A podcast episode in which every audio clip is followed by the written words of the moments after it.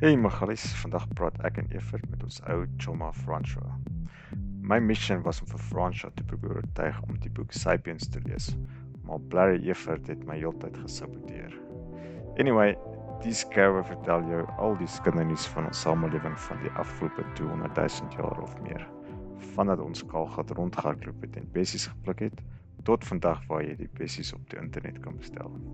So langs die pad wonder ons weer 'n bietjie oor dinge soos determinisme. Was dit onvermydelik om op die tipe samelewing op te eindig waar ons vandag sit?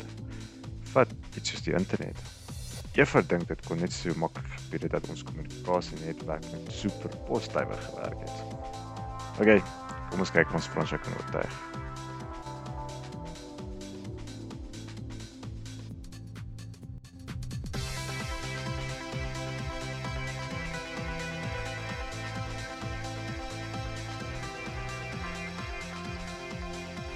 Hallo mense, welkom by uh ons volgende uitsending hierso in uh wonderlike koue Suid-Afrika, warm België en ek vermoed koue Australië ook. Ons het minus 4 dude. Minus 4.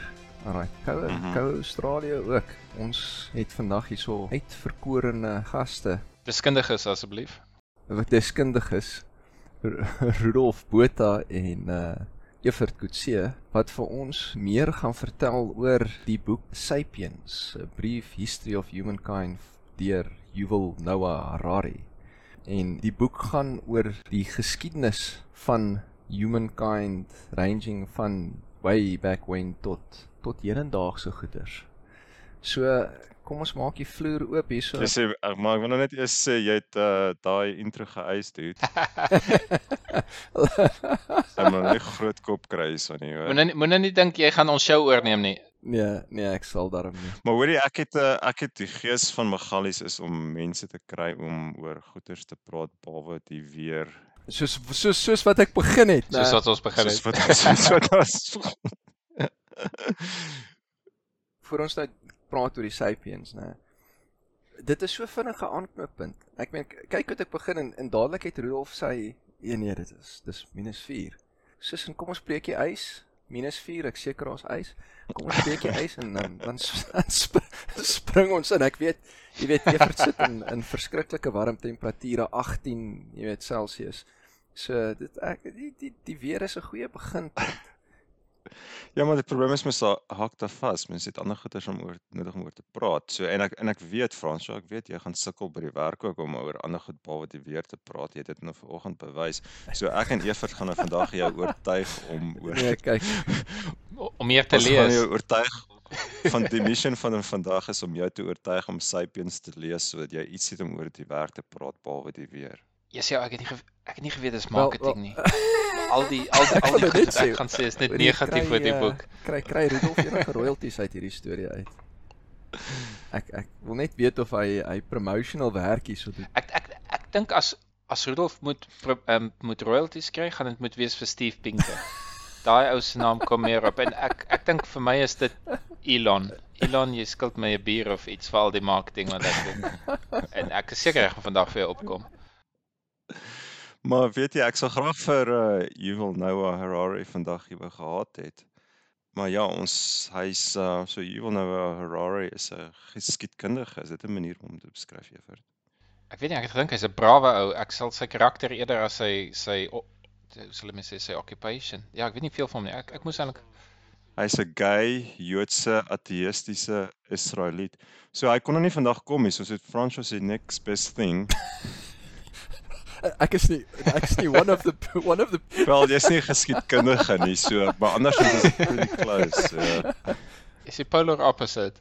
Ja, nee, ek dink ek is die polar opposite, maar ehm um, Dit is ek, my vreemd. Jy mention hy's Israeli. Ek het ook gedink terwyl ek dit lees, die ou is nie bang vir vir lashback want ek meen hy hy hy gee geen aandag of hoe sal ons sê geen respek vir geloof en tog ek sal dink Israel is super religious either Palestinian of um Israeli Jewish.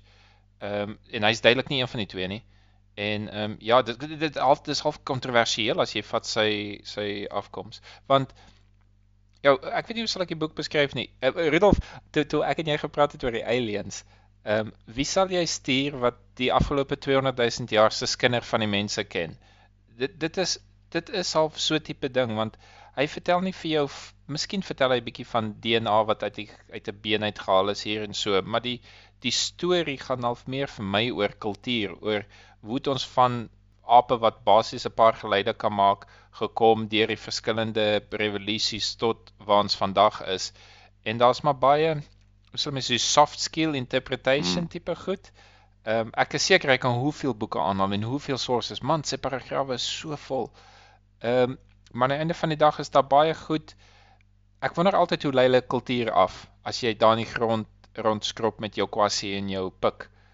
Om te dink jy kom van daar af. Wel hy verduidelik dit so bietjie, ja. I mean hy verduidelik hy hierdie so ehm um, so ja, ek meen ek stem saam met jou. Dit is hy's vertel of ons al die gossip van die afgelope 200 000 jaar van hoe, hoe mense ontwikkel het en van die een revolusie na die volgende revolusie en dis vir my amazing daar's baie goed in die boek wat ek nog altyd so half en half 'n idee van gehad. Het ek het so half en half geweet wat die agricultural revolution is. Ek het half en half verstaan waar kom kapitalisme vandaan en waar kom geld vandaan. Maar dit is nou die een boek wat al hierdie goeters nou mooi saamvat.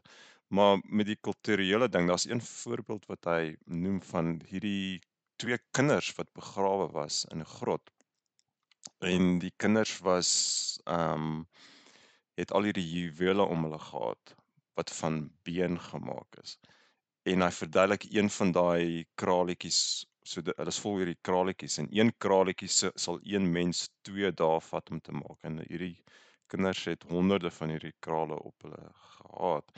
So dit beteken dat daar moes iets belangriks omtrent die kinders gewees het. Hulle moes half royalty gewees het of een of ander gelowige implikasie gehad het. So dit, ek dink dis maar hoe hulle dit goed uitgrou en van kultuur, maar dit is ook maar baie raai. Ek ek dink hulle het verseker poets daar wat ek meen met stories kan opkom en ehm um, ja, hoe maklik is dit vir ons om vir 'n dier of sê ag my hond lyk hartseer of my hond is dit of dat nie wat wat is daai woord as jy vir ehm um, ehm um, projeksie. Ja jy projekteer. Uh, iets soortgelyk so roof het ek onlangs gelees. Iets van een of ander tipe van steentjie wat hulle gekry het en hy steen kom nie van daai plek af die steen kom van ek weet nie 1000 km in 'n ander rigting af.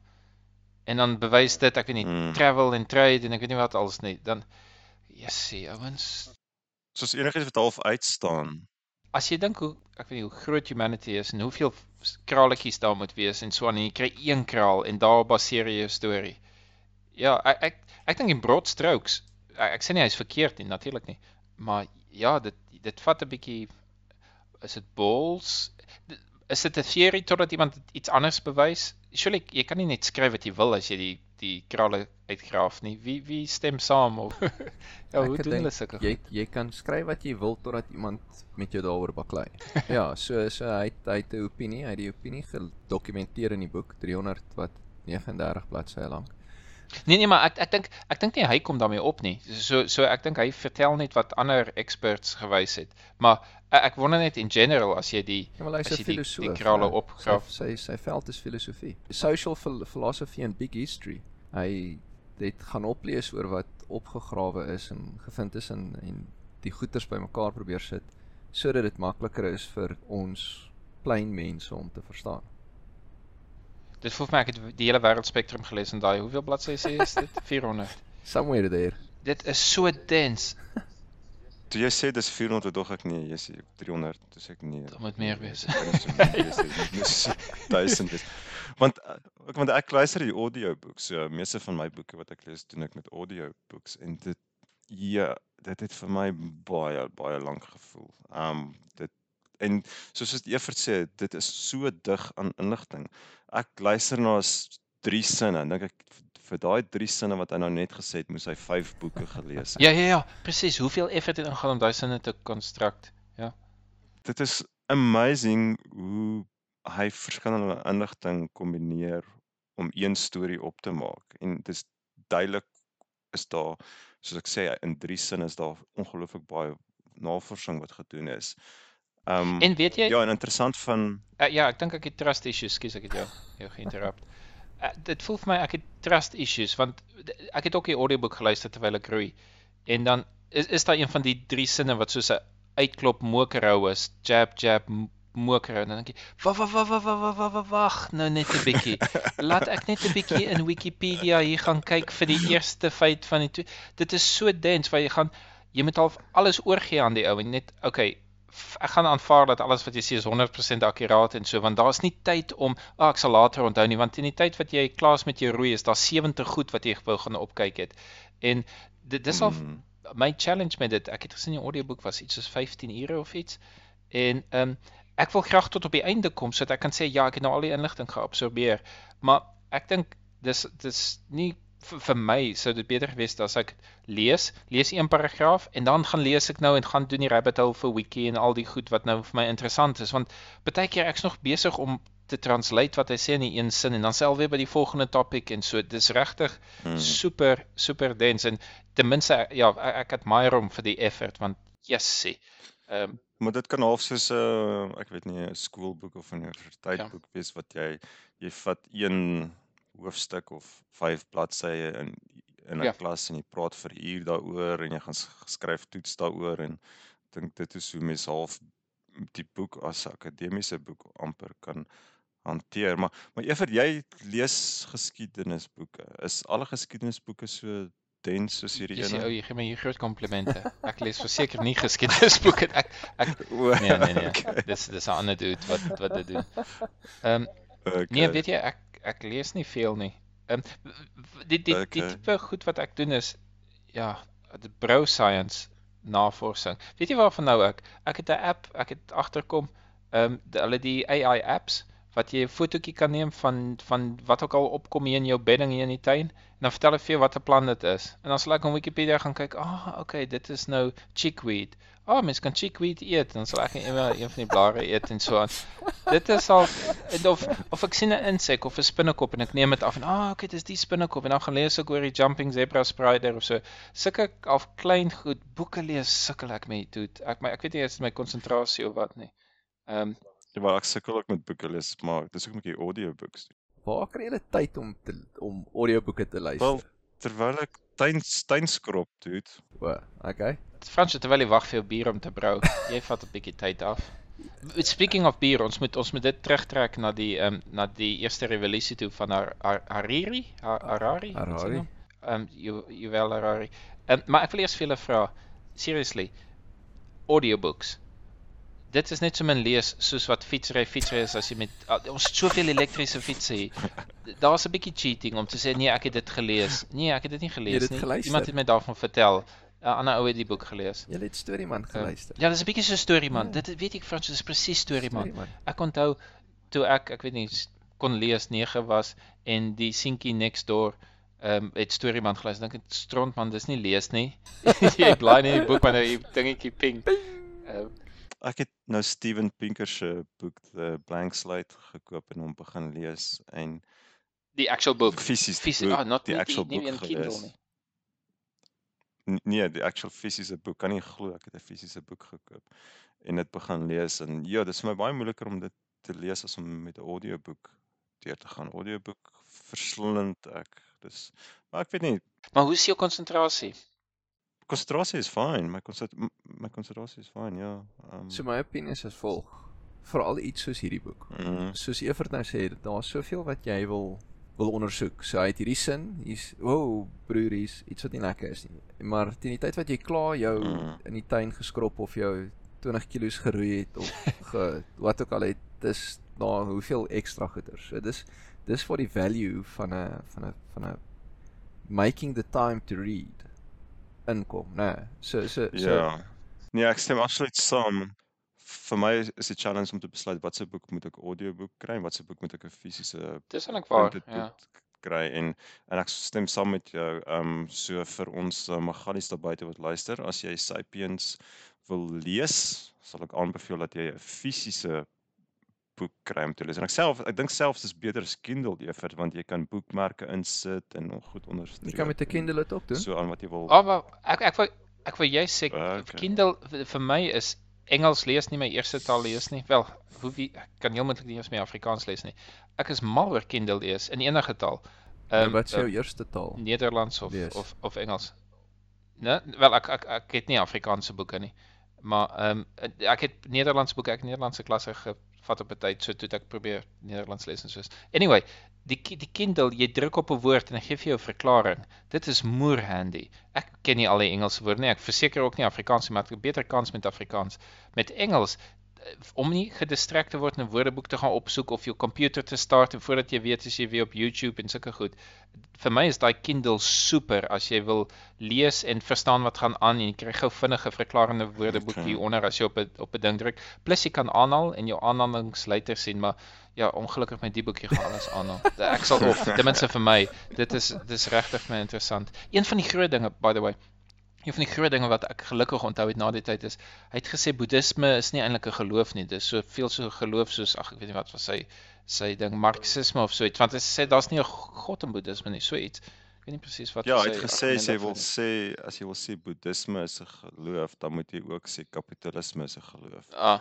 Ah ja ja ja. Iets in daai lyn. As die klassifikasie van boeddhisme is 'n geloof maak nie sin nie tensy jy die definisie van geloof uitbrei om goeie soos marxisme en kapitalisme hmm. daarbey in te sluit.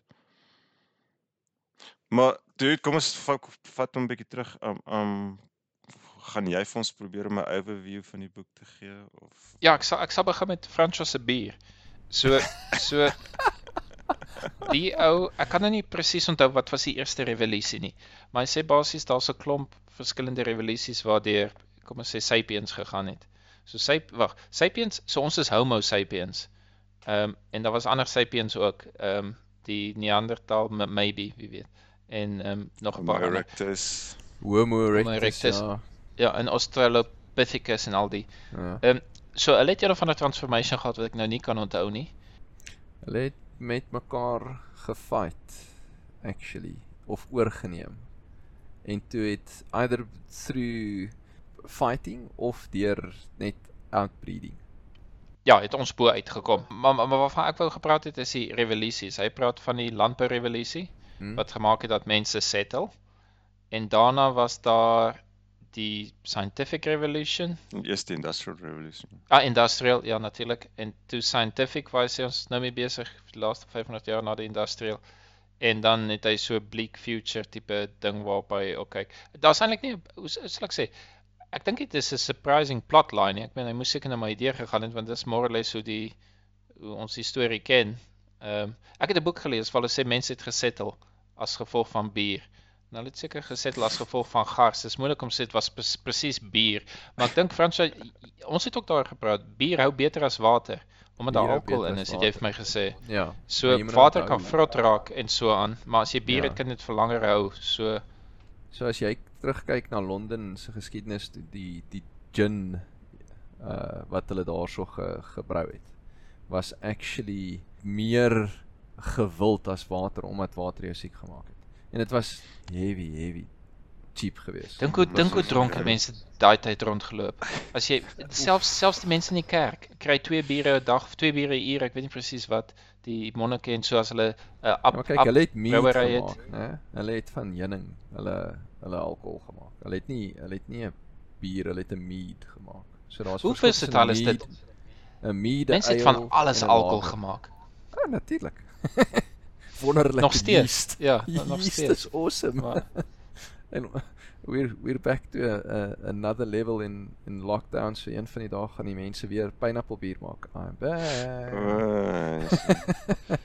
was dit 'n ding? Dit was nie net 'n marketing kampanje nie. Mense het actually van pineappel die bier gemaak. Jy jy jy gaan my nie glo nie. Ek daar was syfers gewees oor hoeveel miljoen ekstra pineappels verkoop is in Suid-Afrika gedurende die lockdown. Die pineappelraad kan jy hulle lak glo nie dit hulle hulle het Waar kom pineappels vandaan? Durban. Uh, ja, enige tropiese streek. Um Suidoos-Asië. Ja, nee, kyk, hulle het hulle het die die winkels het het yeast, pineappels en suiker so. En suiker, dis al wat jy nou soos bier. ja, en water. Dis wat jy nodig het. oh. Ja. Yes, dink ek so. dink ek uh, trek jou kiewe styf hier van die suur bitter, want dit raak seker soeter as jy die suiker goed insit. Ja, ja, dis um, dis eintlik bittersoet. Jessie dudes. Alcohol. rabbit rabbit hole. Rabbit Nee, nee, maar okay, Back, kom, ons gaan terug na na, Ja, so so. na Ara, Harari toe. Harari toe.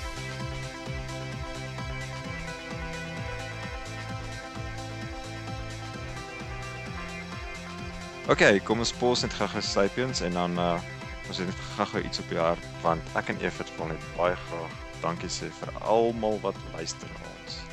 Praat vir jouself man. nee, maar maar jy's reg, jy's reg, ja. Dit is amazing om te sien. Van heinde en verre. Ons het nog altyd gesê dis dis net 'n lekker chat en ons hoop 'n paar mense luister daarna, maar ek moet sê ek raak excited om te sien mense luister saam met ons en uh, ja, so dankie almal wat luister. Ons uh ons waardeer dit. Ja, en en vir die mense wat promote en en saam help, Willem en François en Eugene wat oral publish, ehm um, as ons episode sit. Ja, ons waardeer dit vreeslik. Dis lekker om ja, ons is so honger vir Afrikaans en Afrikaners. Dis nice om van almal te hoor en te sien ja, mense luister. En ek wil net dankie sê vir David of David al die pad van die tyd wat vir ons 'n vreeslike nice boodskap gelos het. Moet sê dit het my dag gemaak om te sien iemand geniet ons show. Baie baie dankie vir daai boodskap. Thanks ou. David van die States. Onthou jy Eugene Kramwinkel het gepraat van een of ander girl wat van die States is. Dink jy, "Wow, States, dan is dit op die einde die Free State." Dis is van die Vrystaat. maar Uh. David dink ek is letterlik van die States af, David. Alright. Terug na Sapiens. Terug na Sapiens. Daar's 4 revolutions. Go So so it, so hy gaan die 70000 jaar terug raak ou al die rest. Begin vir die landbourevolusie, ja. Ja, so so ons is nou op bladsy 2 van die boek en dan begin die ou nie ons die pad byste Not geraak. quite. Nee, dude, jy het vergeet van hoe Homo sapiens al die ander homos uitgewis Ja. het en ons ons kon cousins gehad het hier op wat rondom ons geloop het wat anderste spesies is. Ons is en ons het almal ons het al almal uitgemoor en toe het ons Australië toe gegaan en al die megaflora uitgeroei en ja, die eerste deel van die boek gaan oor die absolute oralste waar Homo sapiens gekom het, het hulle absoluut disaster um veroorsaak. Of ja, of jy kan dit noem sukses en dit dis nogal interessant. Ek was geskok een keer en ek wil nou nie die ou verkeerd aanhaal nie. Ehm die ou van ID Games, wat is sy naam? Hy het Armadillo Aerospace ook gehad. Ehm iewers het ek iets van hom gelees waar hulle sê ehm hy sê hy's nie noodwendig seker dat mense global warming maak nie. Mense is maar half deel van die natuur tipe ding. En dit klink vir my daar's 'n ek sal nie sê movement nie, ek wil nou nie, maar daar's so half 'n idee van mense is maar net deel van die natuur. So jy hoef dit nie altyd net te bash as ons beter is as die Neanderthal of beter is as die ander nie. Maar ja, Dis 'n angle. net ja, dis 'n angle, maar Juwel is vers, verseker nie daar nie. Hy's op die ander angle van ons donder net alles op van van die landbou af of ewen voor dit, die Neandertals, die landbou, die Wel die landbou het hy gesê ons onsself opgedonder. Ja, ek het ek het nogal op daai een vasgeval dit. Hy sê iets van ons het nie die landbou geteel nie, die land die, die landbou getem nie. Die landbou het ons getem. En hy hy verduidelik dit half as 'n deal met die devil. Ehm en daar het ek 'n woord geleer. Wat was dit? Fossteen. F- f- Ek weet nie hoe spreek jy dit uit in Fausteen deal. Waar waar jy jy maak 'n deal wat vir jou vir die kort termyn lyk dit goed. Ooh, ons het nou lande en ons kan kos vir langer hou en ons hoef nie meer te hand nie en ek weet nie wat als nie en dan op die einde donder dit jou op. Ja, as daar siekte kom en so dan as jy heeltemal uitgeroei as die jou oes vermis waar as jy hand kan jy ander diere hand en so aan. Kan nie onthou het hy die argumente daarvoor gemaak nie, maar So begin was 'n hunter gatherers gewees, so mense het rondgeloop en saaitjies gepluk en berries gepluk en so nou en dan 'n bietjie gejag.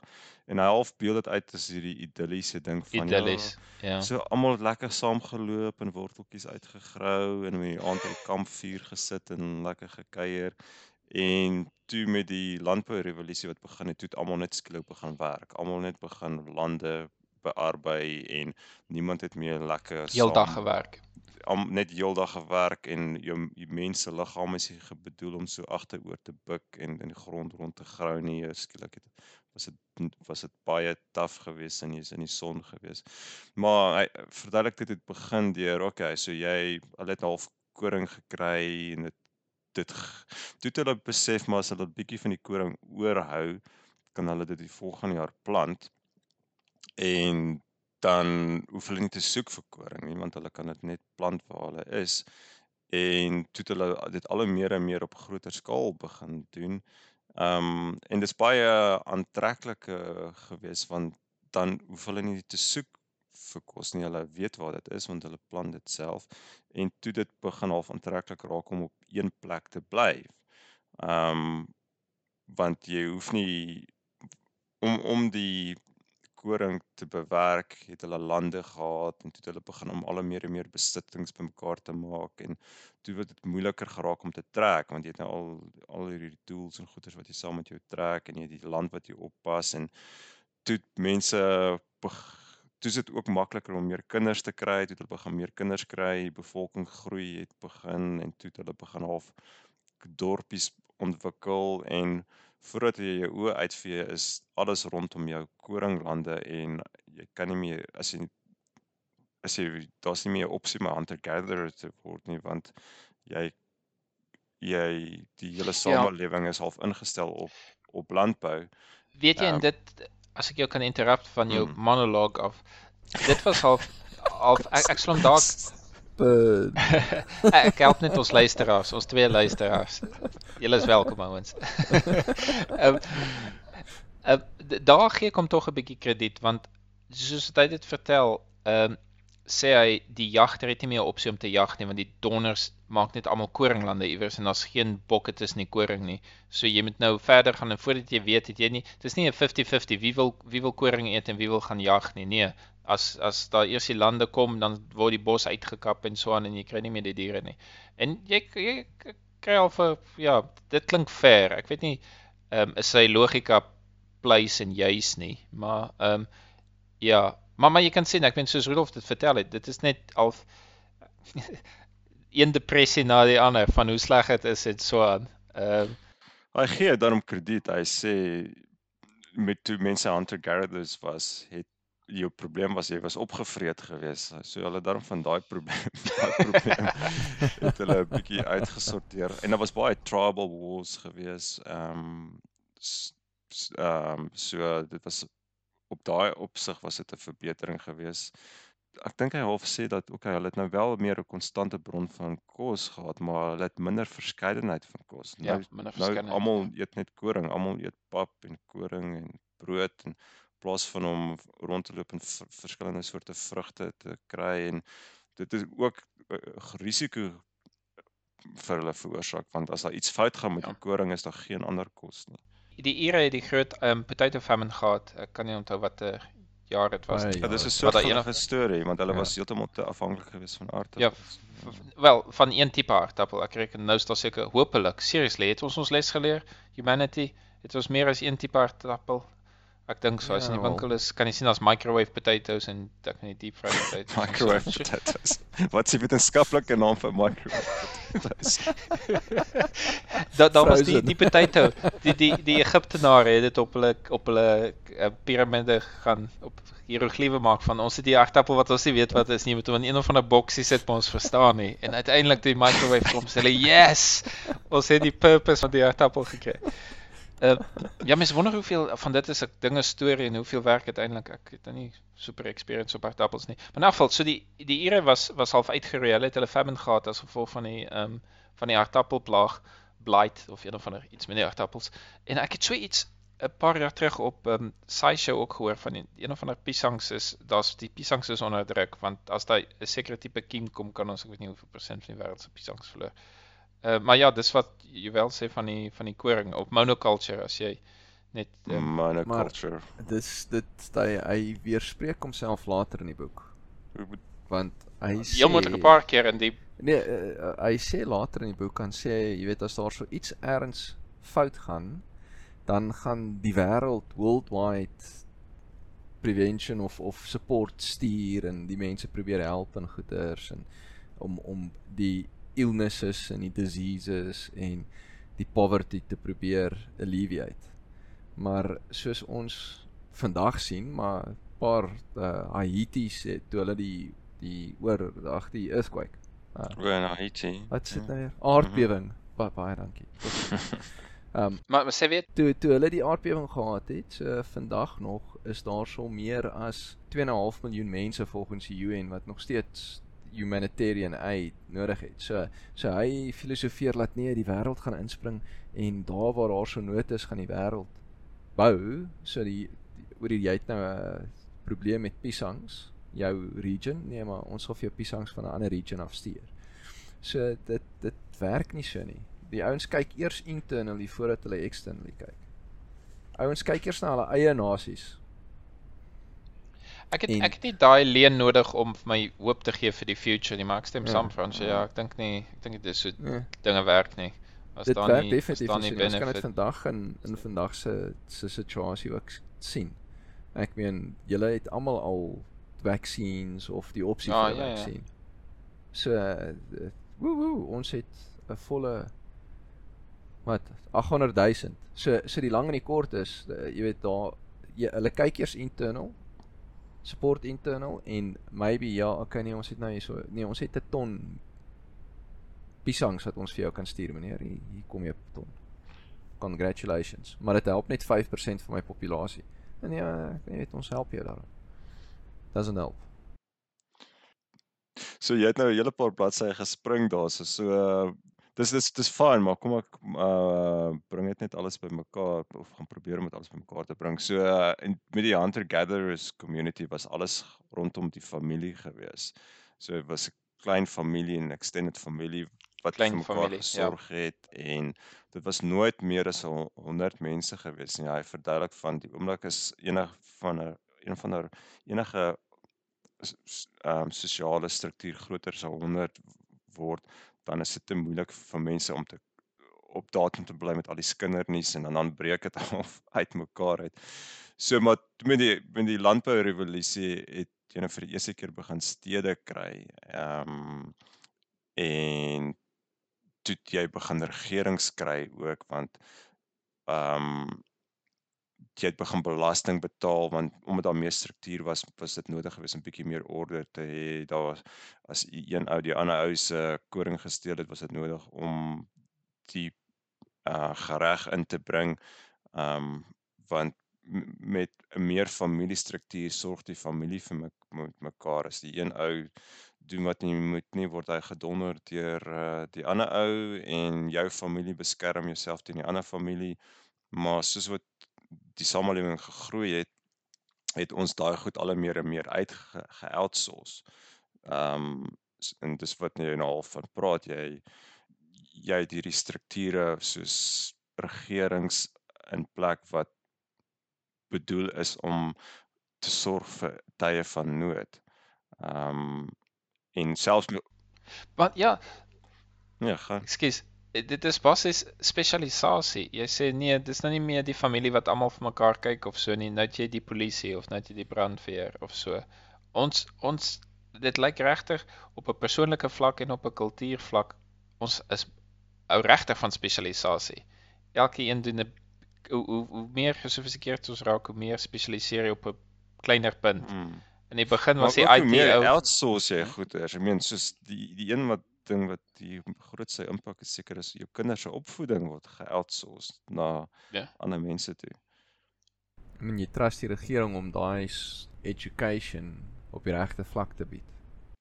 En ja, ek praat half van hoe familiestrukture half al hoe meer en meer en meer uitmekaar uitval hoe groter en groter die samelewing raak, hoe meer ons 'n global civilization word, hoe meer gaan die familiestruktuur daarmee heen. Alles wat voorheen deur die familie uitgesorteer was, word nou gedoen deur groter samelewing.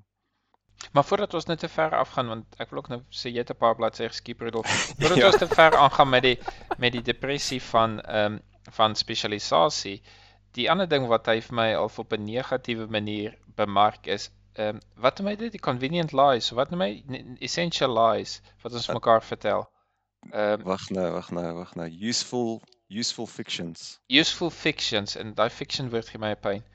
Ehm um, hy hy hy sê dat as jy 'n groepie van 10 10 mense het, het jy al jou storie ek dink dit gebeur redelik natuurlik vir ons. Die mense saam met wie in die huis bly, jy het jou eie half inside jokes en maniere van praat of so met die mense wat jy elke dag sien en ja, miskien kan jy iets vir jou vrou sê of so wat ander mense nie eers sal verstaan of of opvang of so nie want jy het een of ander ek weet nie nie geheime taal nie maar een of ander goed jy het 'n common half geskiedenis wat jy al kan goed sê en mense verstaan wat jy bedoel.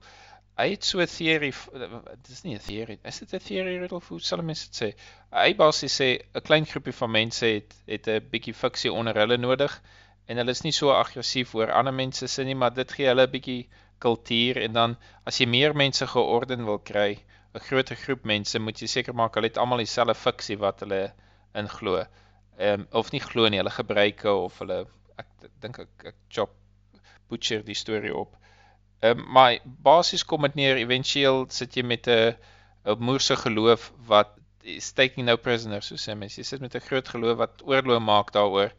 Ehm um, waar aan die begin as jy almal maar net hier's 'n klein tribe, hulle dink die son, hier's 'n ander tribe wat sê nee, ons bid vir die klip of ons bid vir die bokkie of wat ook al, is self meer tolerant en dan later soos wat die goed dit soos quicksilver of klei wat al groter en groter word soos die meer bymekaar sit, dan raak daai critical mass van die fictions ehm um, ja, raak genoeg om oor oorlog te maak. Ek dink dit was ek het so 'n tipe vibe gekry van dit ek kan nie presies gaan oor 'n verstandhouding verstandhouding dieselfde vocabulary. So as ons dieselfde ding beteken vir ons dieselfde iets, dan dan kan ons saamstem daaroor.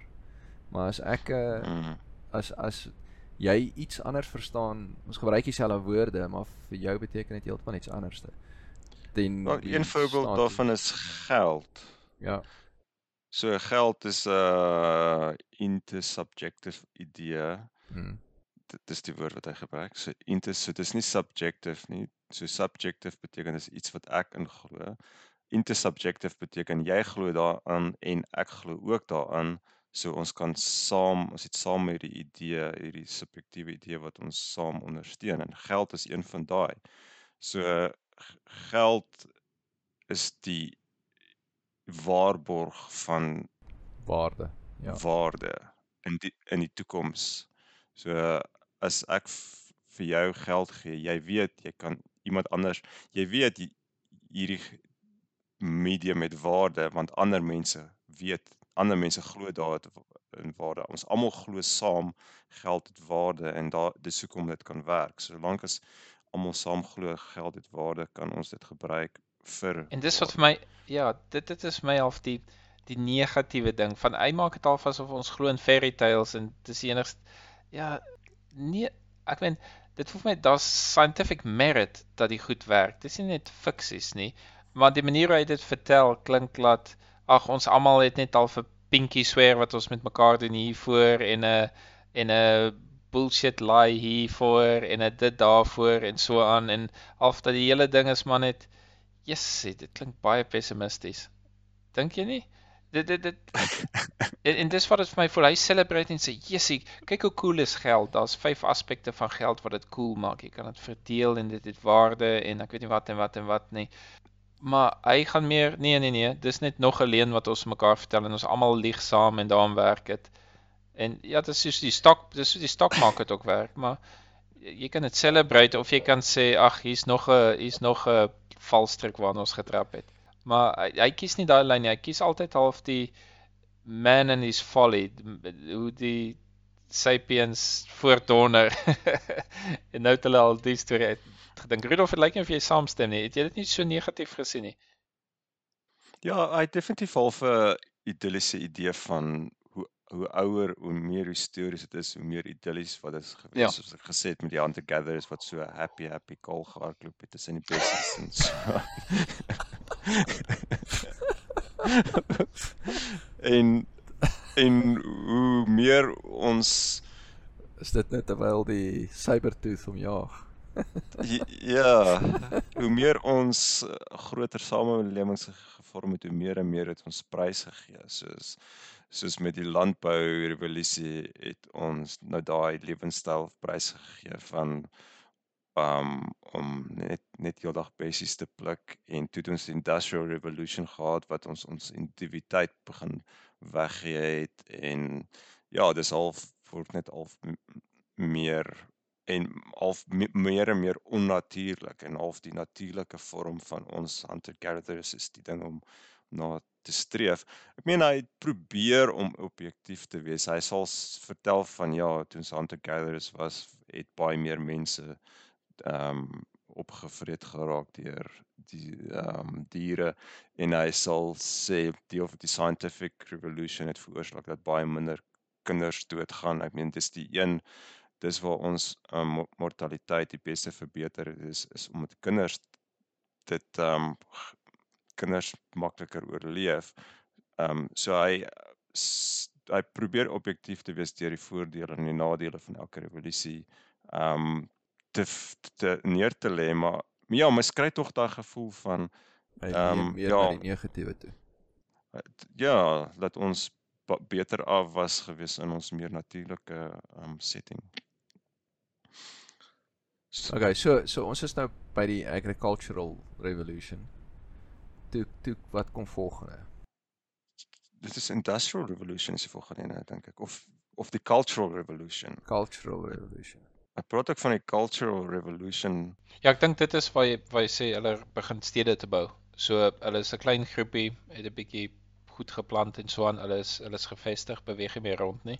En dan omdat jy meer kan kan um, meer mense kan support, dan begin jou kultuur te groei en dan het jy al die fiksies wat jou help om af groter te groei. En een van daai fiksies is volk en vaderland en ja, ek gaan vertel lank oor oor volk en vaderland hoe mens jy het 'n ideologie nodig om dit bymekaar te hou. En hy verduidelik dat ideologie wat gebaseer is op geloof is baie meer suksesvolle ideologie. As die die ideologie kan nie vir jou sê, "Hey, hierdie is net 'n fiction," maar as ons almal saam dit glo kan ons hierdie land maak werk nie. Hy sê nee, hierdie kom hierdie is kom van die hemel af. Ehm um, hy gee 'n hele paar voorbeelde. Hammurabi is 'n voorbeeld. Evert jy en dis Ja, sê ja, dis dit.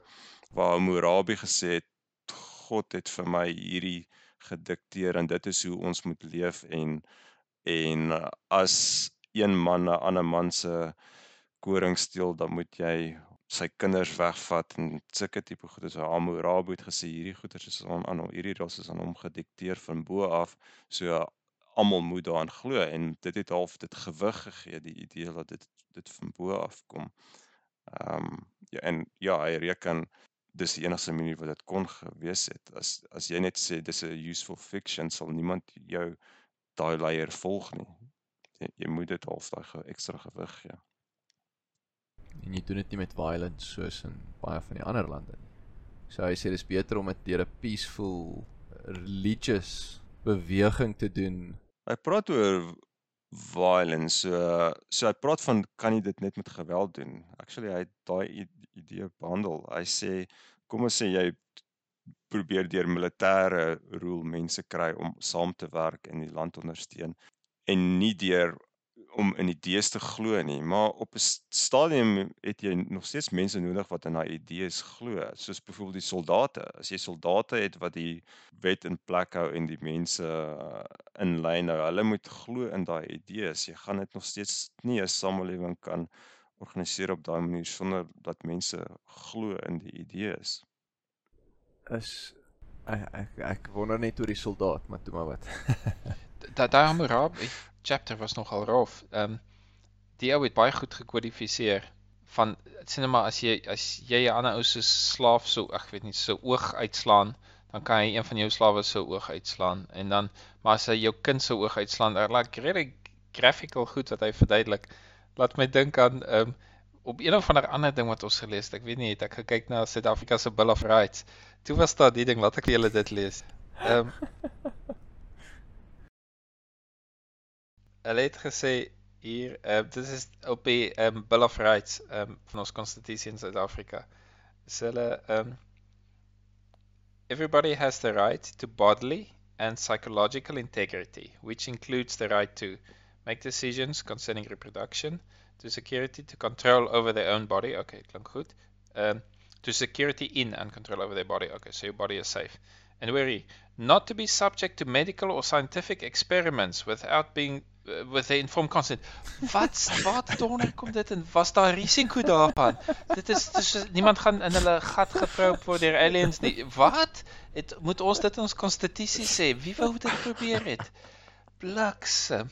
Dankie. Yes, sê en dit laat my dink aan Hammurabi wat sê as nee as jy iemand nou sê hoe gereeld het slawe hulle oë verloor in Hammurabi se tyd. Maar ja, hoeveel keer in Suid-Afrika het ons probleme daarmee gehad? Iemand gooi een of ander sout in die drinkwater en kyk wat gebeur of iets. Bizar. Ehm um, Obviously, ah, interessant genoeg. Het, ons het hulle het 'n boek daarso of 'n blaadjie uitgeneem uit uh die Tweede Wêreldoorlog. O, oh, donder. Ja. hulle hulle hulle is net preemptive. Ehm gee. Hulle is net preemptive. Nog een interessant terwyl ek op die op die Bill of Rights is, dan sal ek ophou. The state may not unfairly discriminate directly um or indirectly against anyone um on one or more of the following one or more grounds. Nou die grounds. Race, gender, sex, of course, pregnancy, marital marital status, jeez. ethnic or social origin, okay, color, sexual orientation, you can see here, age, disability, e-commerce, religion, conscience, The, die government kan teen discriminate op grond van jou conscience. Wat beteken dit ewen? Belief, culture, language and birth. Ek weet nie wat dit beteken birth. Is dit place of birth? Maar ja, en, en hulle noem culture ook daar. So die government mag nie teen discriminate Ja, birth is birth is waar jy gebore is. So ek kan nie teen jou diskrimineer as jy elders in Afrika of in Europa of whatever gebore is. Ah, as ek nou legitimate is. Dan kan ek nie vir jou sê uh oor hierdie meneer, jy's Europeër, jy gaan nou my whatever voer. Okay, so antwoord my die volgende, wat is conscience? Die die government kan nie teen jou as as jy sê jou gewete. Kan nie diskrimineer teen jou gewete nie. Ja, ek weet nie. Ja. Hoe ek dit? Kan jy 'n scenario dink daarvan en gewete is tog my my my noord. My gewete moet tog vir my sê nee, dis verkeerd. Ek weet nie of dit wat is is gewete conscience, dit is is conscience en consciousness dieselfde ding. Ek weet nie. Consciousness is dit nie ek wakker is. Ek weet half wat dit beteken. Ek dink dit half verwys na jou beginsel. As jy ja. een van beginsel het dat dat ek gaan nie ja, vleis eet nie of so iets of of ek gaan dreadlocks groei. Moenie vir my sê ek hmm. mag nie dreadlock groei nie want my dis 'n conscious ah. besluit ah. wat ek het om te doen. Maar kom ons gaan met my voorbeeld van die ja. vleis. In Italië was daar moeilikheid in 'n plek waar ouers hulle kinders wil vegan grootmaak ek kan nou nie presies die storie onthou nie. Gelukkig hoef ons nie alles te quote en en en wat mense die notas onder te maak in ons pot gooi. waar sal die John aankom wat ons lees nie. Maar basies die ouers was 'n moeilikheid want die waar hulle gebly het, was 'n stront man, ons eet vleis hier. Jy kan nie vir jou kinders sê hulle hulle ons gaan 'n vegan groot word en al die storie nie. So ja, of konservatiewe die angle daarop gevat, maar miskien is dit presies wat die grondwet sê dat die government kan nie involved raak oor jou besluite mm. oor sulke tipe goed nie. As jy sê ek drink nie melk nie, mm. so dan okay, wel, dis maar jou keuse. Ons kan nie sê in ons skool gee ons melk vir die kinders en jy moenie melk drink nie. Miskien is dit so 'n tipe ding. Ehm um, jou oortuigings. Mm. Uh, maar ja, Hammurabi het alles uitgefigure. Hy het ehm um, Levitikus in die Bybel. Dis presies ah, dieselfde ja. as al die wette. Baie wette, mm. al die wette my my hmm. my slaaf kan ek koop vir 3 donkies, maar as die slaaf nie 'n arm het nie, is hy net een werd of whatever, jy weet, al daai klas van dinge. Dis dieselfde, selfe konsep. Hy gaan ook eers dis nou 'n free will angle. Hy gaan ook in oor die ehm um, die Christelike geloof wat gewild geraak het. So dit was Ehm um, wat was die uh, Romeinse keiser wat Christianity bevorder het? O, daar was 'n goeie een wat gesê het, ja, ek weet nie wie hy was nie. Constantine. Constantine. Dis reg, dis Constantine wat in die boek verduidelik hy van Constantine het die Christelike geloof gebruik om die Romeinse ryk te unite onder Christendom. So dis nou ja. teorie van hoekom Christendom so prominent is vandag dis omdat ehm um, Konstantin dit gebruik het as 'n tool om sy mense te unify.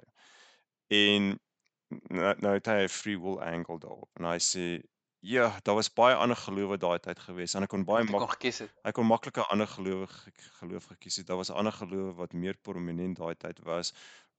Hoekom het hy nou juist Christendom gekies en kyk waar ons van is ons vandag. Dit wys jou net hoe erg is mense hoe hoe groot impak het mense se free will want as gevolg van Konstantin se free will is van die wêreld vandag baie dominerend Christendom en hy verduidelik ook met Islam is dieselfde. Islam was half hierdie klein obskure geloof wat skielik te groot geword het en dit wys net jou hoe groot impak free will het op ons samelewing.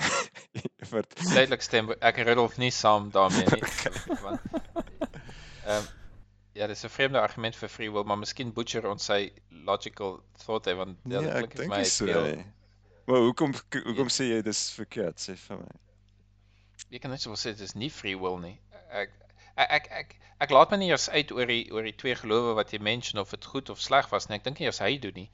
Maar dit is vreemd dat hy sê dat free will was die key to success hierso dat ja, ek weet nie. Ja, wel hy sê konstant Konstantin het 'n besluit geneem, hy het 'n vrye wil besluit geneem en hy het gekies om met Christendom te gaan. Dit is sy argument en Maar ek dink jy kan sê enige iets wat iemand 2000 jaar half butterfly effek, enige iets mm. wat iemand 2000 jaar gedoen het, het ons op 'n amazing plek gekry vandag. Kyk, ons sit in drie verskillende lande en praat met mekaar. Amazing besluit wat enige iemand gemaak het. Dit is so lank terug. Ja. Die, al die drade is maar gekoppel. Maar daar is nou daar is nou 'n goeie uh, vergelyking so die, die ontstaan van die internet. O iemand het nou besluit hy gaan die internet uitdink en kyk waar ons vandag kyk was 'n groot impak dit ons het. Maar as jy regtig dink aan die ontstaan van die internet, dit voel vir my half dis inevitable geweest. Want hoekom?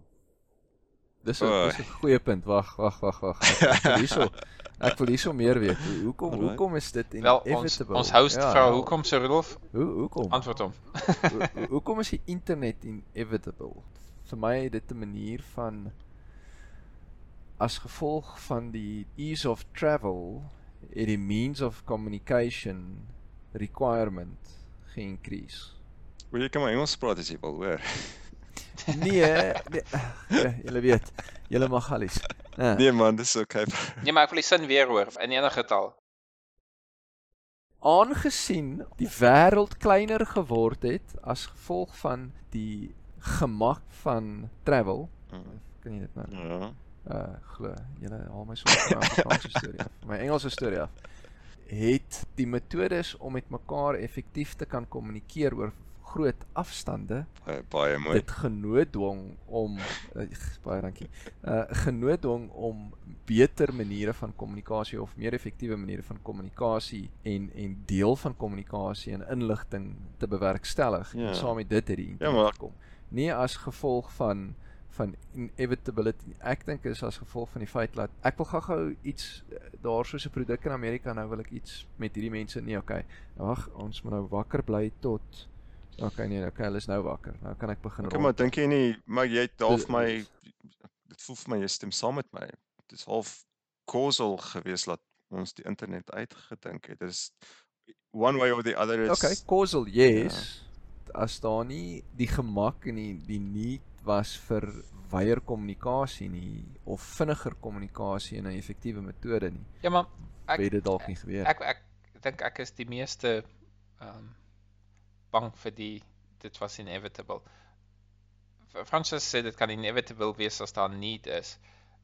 Daar's hoeveel goed waar ons needs het waar ons nie solutions het nie. Malaria. Vir hoeveel miljoene jare is malaria 'n probleem? Daar's dit is nie inevitable dat dit gaan solve gesolve word nie.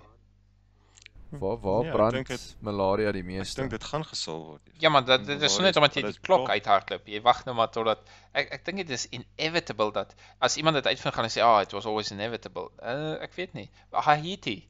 Is dit inevitable dat Haiti gaan gesolf raak dat dat iemand uiteindelik vir hulle gaan help?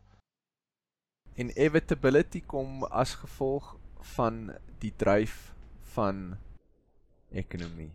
Wel ek sê ek sal dit weier vat as ekonomie. Ek sal dit dit is kausaliteit. Dis soos wat jy sê Frans, dat daar was 'n behoefte gewees aan ehm uh, beter kommunikasie en makliker uitruil van inligting. So maar wat is die dryfveer agter dit? Van die van die behoefte af en mense wil geld maak. Ek get I get that. Of course, dan is dit inevitable. Hulle gaan iets uitfigure. Of vinniger duwe wat kan vlieg of hulle gaan die internet uitfigure. Sport duwe. By the way, op Belgiese TV op aande. Ek weet nie wat dit op TV is. Nee nee nee, net gou vinnig asseblief. Praat is nog oor sapiens. hier's op Belgiese TV. Kyk jy vir mense wat op tuinstoele buite sit en duwe laat vlieg. Ja, ja. En daar is moerdier duwe. Jy Dit kan is- nie glo die ja. subcultures. Dis mense sit op 'n-. Vat dit is amazing. Jy kan miljoene betaal vir 'n duif. Ek weet Wag, nie. Te verduidelik my wat doen die mense eers te verstaan nie. Jy jy jy vat 'n duif Mm. en dan ry jy met hom in jou kar en dan gooi jy hom uit en dan vlieg hy huis toe en jy Mm. time en die vinnigste duwe wat vinniger um, hulle het 'n naam vir die tipe duif wat Mm. wat maker duif een of ander vlieg altyd homing pigeons. Roaming Ehm um, hulle pigeons. vlieg Ja. terug huis toe. Um, Dis 'n dis as jy het sport, wat hoor. vinnig kan vlieg, jy kan moer baie geld maak, maar die mense is al soos iemand wat lotto kaartjies koop. Dis daai daai tipe mense. Dit is nie dis nie Elon Musk wat in die duwe is nie. Dis die lotto kaartjies. En daar's hier nou en dan koop een van die Arabiere duif teen 'n moerse prys of so. Maar ja, hulle het TV-kanale. Ek meen, jy dink golf is boring om te kyk op TV.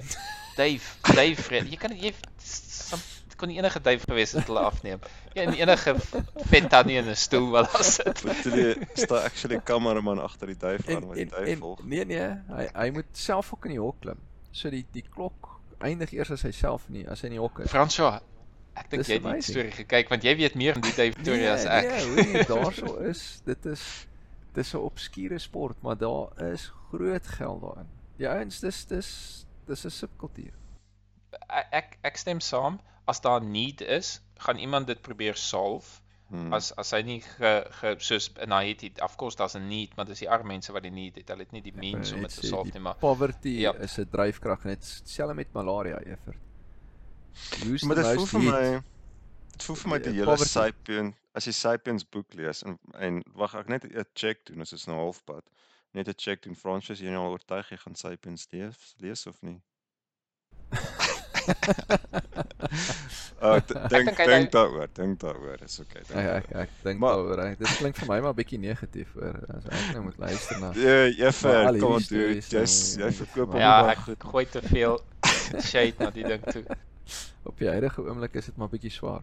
Maar kom ons praat oor inevitability want dis nou vir my interessant die Ja, maar dit voel vir my half dis 'n common theme van die boek ook dat die ek weet miskien is dit net my angle op dit soos wat jou angle op dit is dat hy negatief is. My angle is dat half dit half inevitable was dat ons uitgekom het waar ons Yes, uitgekom het. Soos as jy sien nou die landbou as jy nou die landbou revolusie kyk, daar's nie een persoon wat gesê het, "Alright, hierdie bessies skalgat rond in bessies soek werk nou nie meer." kom ons kom ons stop nou hierdie storie en ons begin Stop alles. Hou gooi julle spiese in die water. Ek het 'n sign gekry van een of ander Dolos Ja. king af wat sê brand brand, brand al die alles. spiese wapens. en ons begin Ja. nou begin koring plant.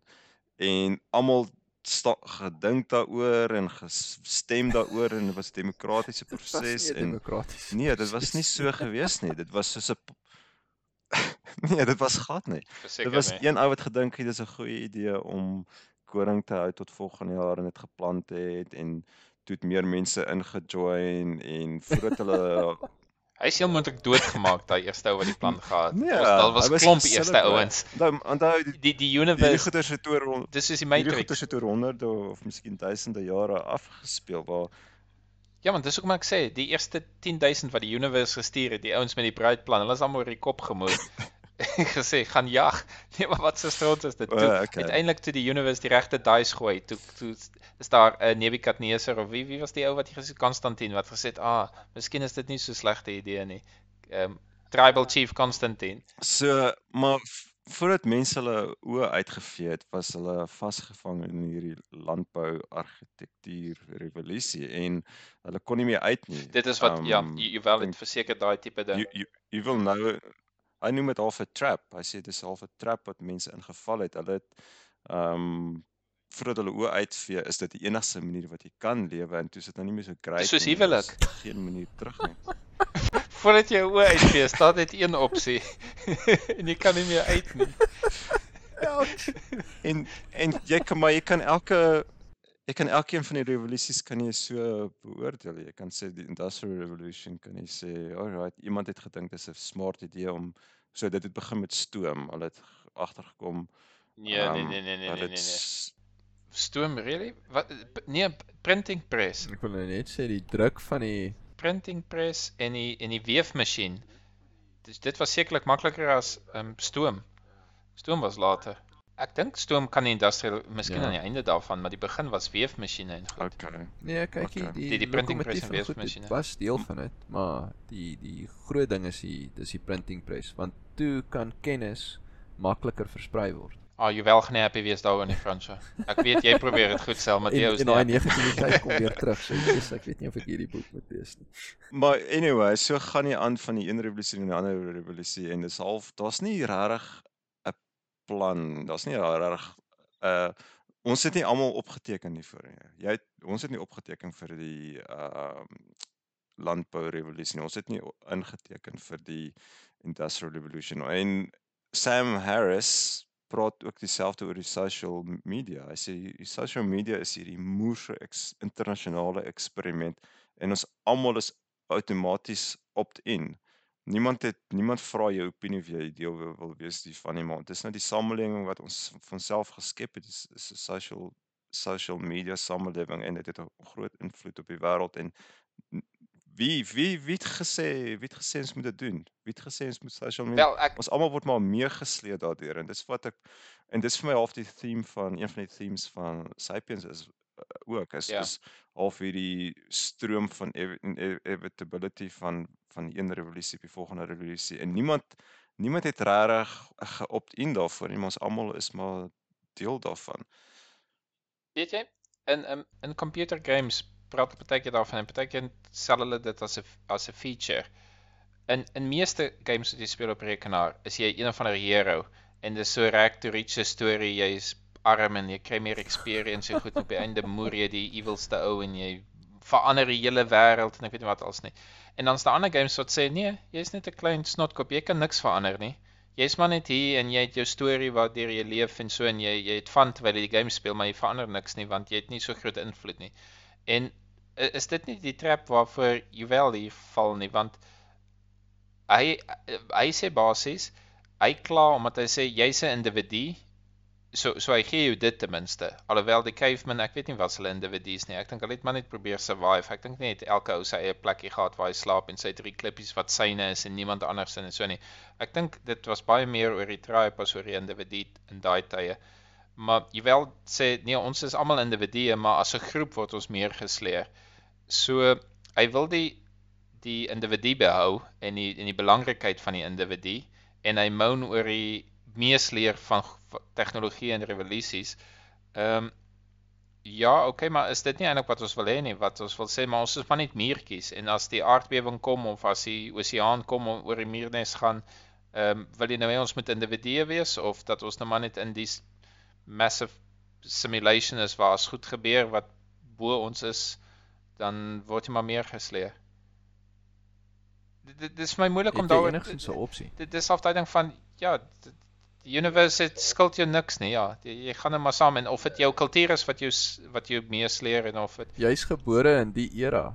So jy kan nie teruggaan nie. Ja, maar ons verwag van mense om beter te wees. Soos of course kan jy dink Nazis en Hitler. Jy sê daai mense moes dit nie gedoen het nie. Ek weet nie wat nie.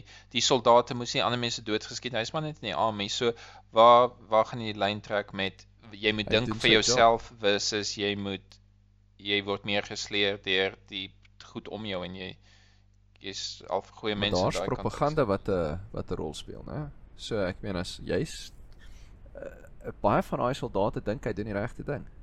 So is dit nou die cultural ding. So ek uh, ek as oom Hitler aanhanger dink, "Joep, joep, broer, jy doen die regte ding. Blonde hare, blou oë, jy's jy's my hero." Ehm um, kom ons kom ons gaan. Hierdie ander Europeërs is almal net van die duiwel. En en ek fight want ek dink is die regte ding. Die allies sê nee maar, hoor hier, blonde hare, blou oë, daar is ouens met bruin oë. Ja ja ja, maar maar wag, Frans, so ek We love you, dude. As jy reeds in land bly en almal sê jy moet gaan veg en so. Ek is so bly ons het 'n opsie waar jy nie hoef te opt-in vir suk of wat wat jy nie hoef te opt-out nie. Dat wat jy kan kies nie. Ek kies om nie te veg en mense te gaan skiet vir een of ander politikus uh, goed nie. Dit dit was nie 'n opsie wat ons altyd gehad het nie. Nee, dit dit is dus, nie. In, dit is ek skool verlaat het. Dit was dit daai jaar moes jy nog gaan sê nee, kom nie vir militêre diens nou nie. En ek weet jou kans vir oorlog in Suid-Afrika was seker min teen daai tyd al, maar Jessie ou, ek wil nie ek wil nie ja, ek wil nie ek moet opgesaan word in 'n freaking oorlog gaan veg nie. O, iets wat ek wou gesê het, skiet ons 'n bietjie op 'n tangent af. Um of course. Um iemand het eendag gesê iets van as ek weet nie, ek dink dit sorry, ek dink dit is 'n tangent nie. Ek dink dis ek weet nie, ek, pro, ek probeer half soos wat jy sê, die boek is so dig met inligting. Ek probeer half soek vir ehm um, wat's die overall temas van die boek en ek dink dis half nou waaroor ons praat. So ek dink dit is 'n tangent. Ek wil terugkom na die inevitability toe. Iemand hmm. sê die Chinese het nooit ehm um, glas uitgevind nie, die Asiëse kulture nie. En as gevolg daarvan het hulle nooit teleskope gemaak nie. En as hulle net donderse glas ware kon gehad het, kon hulle contribute tot tot die science astronomy en so aan en sou dit aansienlik beter gewees het. So iemand was basies soos jy wel suur nou alweer oor iets. Ehm um, wat hulle basies wat hulle basies sê, "Yes, dit is sad dat die ouens het nooit glas uitgefigure. Niemand hulle het ander krokkery gehad, ek weet nie porselein of whatever en dit was goed genoeg vir hulle. So dis ja. my al vir argument teen inevitability. Glas was nie inevitable uh, okay nou het hulle glas so jy kan seker nou sê ja haha hulle hulle het dit nou gekry eventually maar dit voel vir my ek dink Toby het ook so iets gepraat van as as as Tesla nie was niemand anders sou 'n elektriese kar gemaak het maar gewees ja. wat was dit jy mm. Um, 3D TV's, kom aan man, ons ons was al van twee waves. Ek onthou die eerste wave van 3D TV's wat hulle gesweer het ons gaan almal 3D TV's hê. Dis gone. Toe nou wat 5 jaar terug, toe was dit weer 3D TV's. Hulle is al weer gone. Daar sien nie meer 3D TV's nie. Dit gaan weer kom. Ek weet nie of al die goed inevitable is nie. Ek dink daar's 'n paar technologies waar die wêreld sommer net gaan skiep want Nee, ek dink nie alles is inevitable nie. Maar ek weet mens moet seker dan moet jy kriteria stel vir wanneer sal iets inevitable wees en wanneer sal dit nie inevitable wees nie en onvermydelik. Onvermydelik dink ek. Kom ons gaan in Afrikaans. Maar maar skus, herinner ons net gou weer wat het jy wel gesê was onvermydelik of Ja, hy het dit nie hy sê nie dis onvermydelik nie, maar dis half vir my 'n tema van die die punt waarby ek wil uitkom is ek en jy het voordat ons begin het met hierdie gooi het ons gepraat oor conspiracy theories. Ehm um, Hallo. Chucky, shut up. Ja, ateljee, daar's hond in die ateljee. Daar's hond in die ateljee.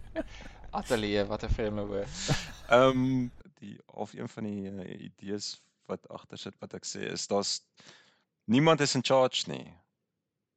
Ah, dit, dit is waarop dit neerkom. Niemand is in charge nie en ek het die link met um conspiracy theories is conspiracy theories is, kan net werk as daar actually iemand is wat in charge is.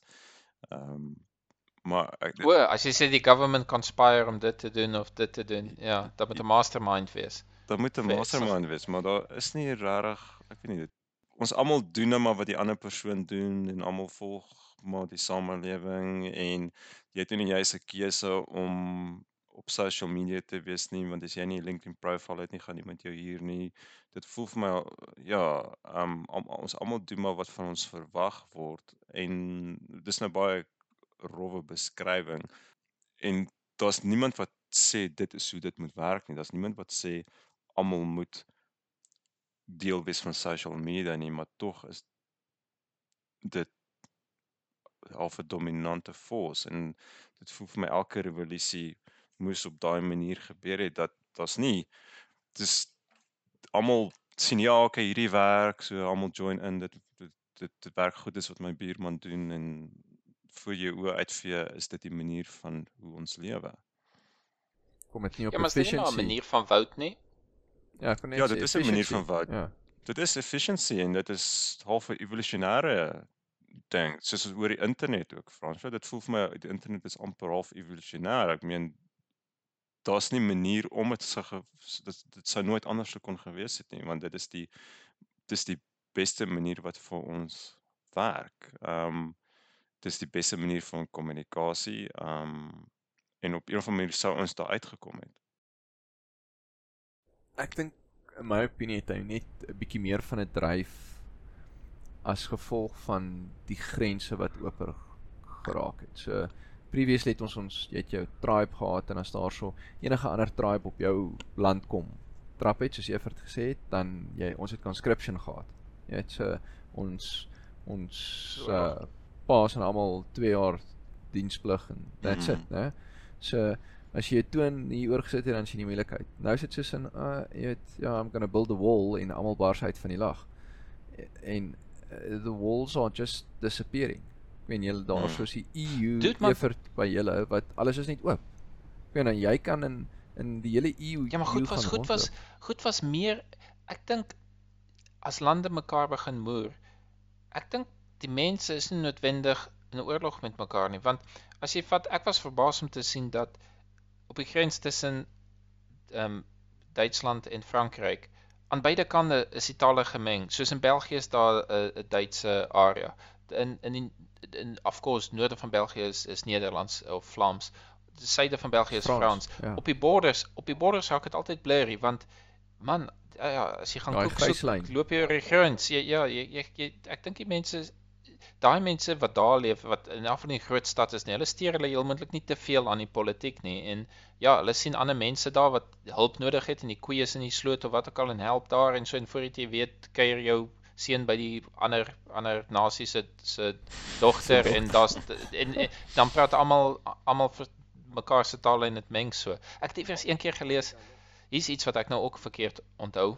So iemand met hom wat dit gaan vind iewers waar hulle kultuur en tale um um ekskuus iewers het hulle navorsing gedoen oor die dialekte van ek dink dit was Engels of iets en dan kyk hulle hoe die taal versprei of die dialekte versprei toe kom hulle agter sien hulle maar in die begin het mense ag ek weet nie wat in daai kultuur was sien hulle maar net fiets gery.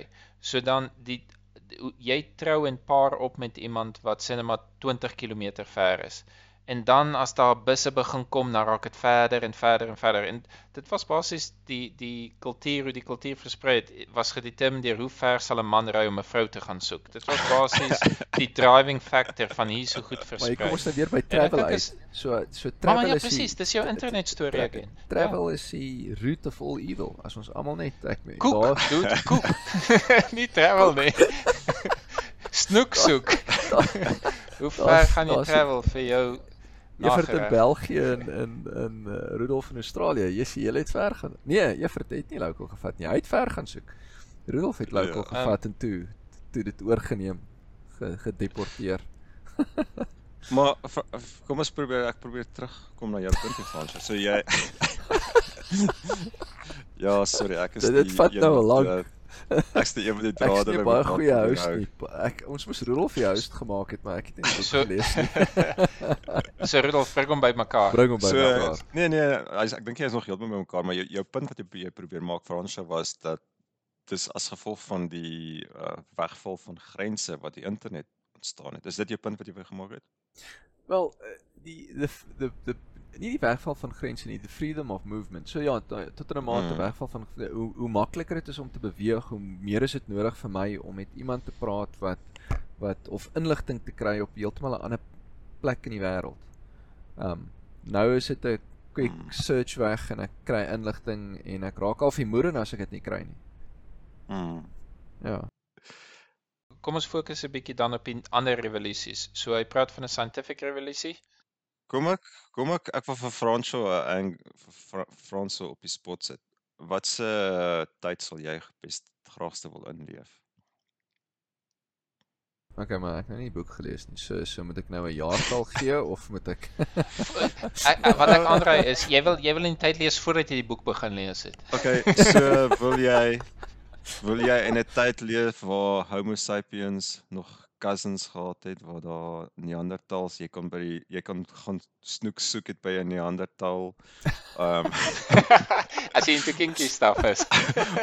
of of uh, wil jy uh kolgat bessies soek en wortels uitgrou in in daai tyd leef of ja, wil jy in die landbou revolusie leef waar onder konings onder konings of wil jy in die industrial revolution leef of Ek is ek ek dink ek is gemaklik met uh the the modern luxuries hoor.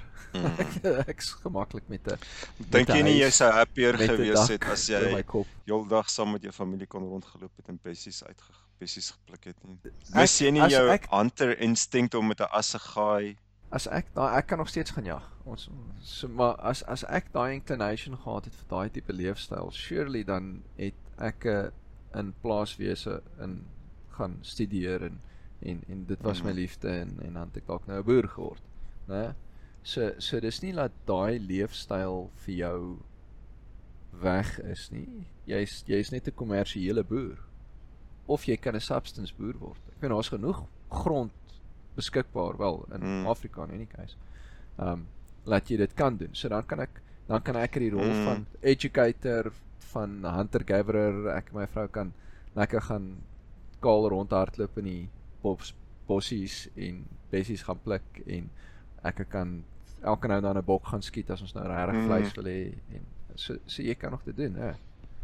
Um, ek het een keer 'n boek gelees, ek dink dit was A Thousand Years of Solitude of so waar waar daar was 'n klomp monnike en die ek dink dis waar ek ook van die bier gelees het van die monnike wat so bier drink. Waar hulle iets gesê het van die een ou prys God met die manier en doen al die goed en die ander ou is half 'n is nou nie so intelligent en poëties betrokke in die geloof of so in die maai werk hard en hy spit daar in die grond rond en dis half sy contribution. So ehm um, wat was my punt? O oh, ja, ehm um, ja, soos wat Frans sê, jy kan nog steeds boer as jy wil boer of of closer aan daai tipe goed wees as jy daarvan nou maar ek het ook 'n illusies oor. Jy sê ons het lewe gemaklik nou. Ja nee, ek ek ek, mm. uh, ek like 'n dak oor my kop en en, en is warm ek kan 'n kaggel aansteek. Kan warm klere aantrek, ek hoef nie 'n velletjie te dra nie. Nee, ek dink ons tyd waarin ons Maar wat van spesialisasie? Ek dink dit al voorheen genoem. Ek dink baie keer, jessie, dominees is gelukkig want die enigste ding waar hulle hoef te worry is hulle eie saligheid. Die ding waar hulle elke liewe keer preek, dit is hulle job, so easy vir jou. Of ek dink die ou wat die wat die fighter is, wat die muscles het en al die girls kan kry en enige ou moer, yes, hy's gelukkig want hy hoef net ek moet nadat ek gaan werk het, gaan probeer 'n ekstra muscle kry deur hard sweet en so. Die ou se job is om heeldag te oefen. Maklik vir hom om te sê. Maar dink nie spesialisasie donder ons op nie, want as ek dink ek ek loei letterlik in my garage met 'n muur voor my. Ehm um, moet ek nie eerder buite hard werk in die tuin en muscles daardeur kry en jy weet die, soos wat die hunter gatherers, hulle hulle was heel moontlik sterk omdat hulle agter bokke aangehol het en sulke goed gedoen het. Ons sê nee, jy sit op kantoor heeldag met slegte pose en dan gaan gym jy na die tyd en dan betaal iemand anders om jou kos te maak, plus jy betaal iemand anders om jou kinders groot te maak. Is is al 'n idilliese argument gemaak van nee, jy kan die real thing kry en dan jy niks spesialisasie nie. Jy het nie 'n spesifieke tyd wanneer jy gym of 'n spesifieke tyd wanneer jy sit en stil werk en jou brein nie goed doen en 'n spesifieke tyd wat iemand anders jou kinders leer en so aan alles gebeur well, net tesame. Ja, op spesialiteit. Jy is self gelukkig. Jou spesialiteit is iets wat jy geniet. Wat van is jou spesialiteit was gewees om daai een spesifieke deel van die skoen te maak in 'n skoenfabriek elke liewe dag. Al wat jy doen is jy sit daai hierdie lappie by daai lappie. Dis wat jy heeldag doen. Dis jou spesialiteit. Ehm um, dink jy dink jy meeste Skus, ek val in die rede. Ja, okay. Ehm um, dink jy ons het voorheen gesê ons saam met Toby gepraat het dat uh, ons ek dink as jy uit die universiteit kom as jy verseker above average. Dink jy dat die average persoon op die plan, planeet se spesialisasie is iets waar hulle letterlik nie 'n moer voor kan omgee nie. Nie soos in ja, ek hou nie van my job nie, ek's 'n accountant. Ek bedoel letterlik, jy het nie gekies om 'n accountant, jy werk in die skoenfabriek en jy iemand het dit geleer, jy gee nie 'n moer om vir skoene of so nie. Ehm um, maar dink so so dink jy die average persoon op die planeet mm. werk letterlik net om kos op die tafel te kry in iets waarna hy nie die moer in belangstel nie want dit is al harde arbeid. Ek dink dit hang af waar jy is. Fransjo, maar ek dink jy moet vir ons die Suid-Afrika perspektief daarso gee. Ek dink Suid-Afrika is dit heeltemal Ek ek wil nou net sê ek ek dink ehm um, dit help nie hulle kyk van die eerste wêreld perspektief mm. hierna nie. Want ja. want ek kan vir julle sê die probleem hierso is ehm um, wat ons het 'n massiewe unemployment syfer. So so as iets gebeur en ek kan nou nie doen wat ek nou doen nie van môre af. Mm het, ek sal gaan toilette skrob.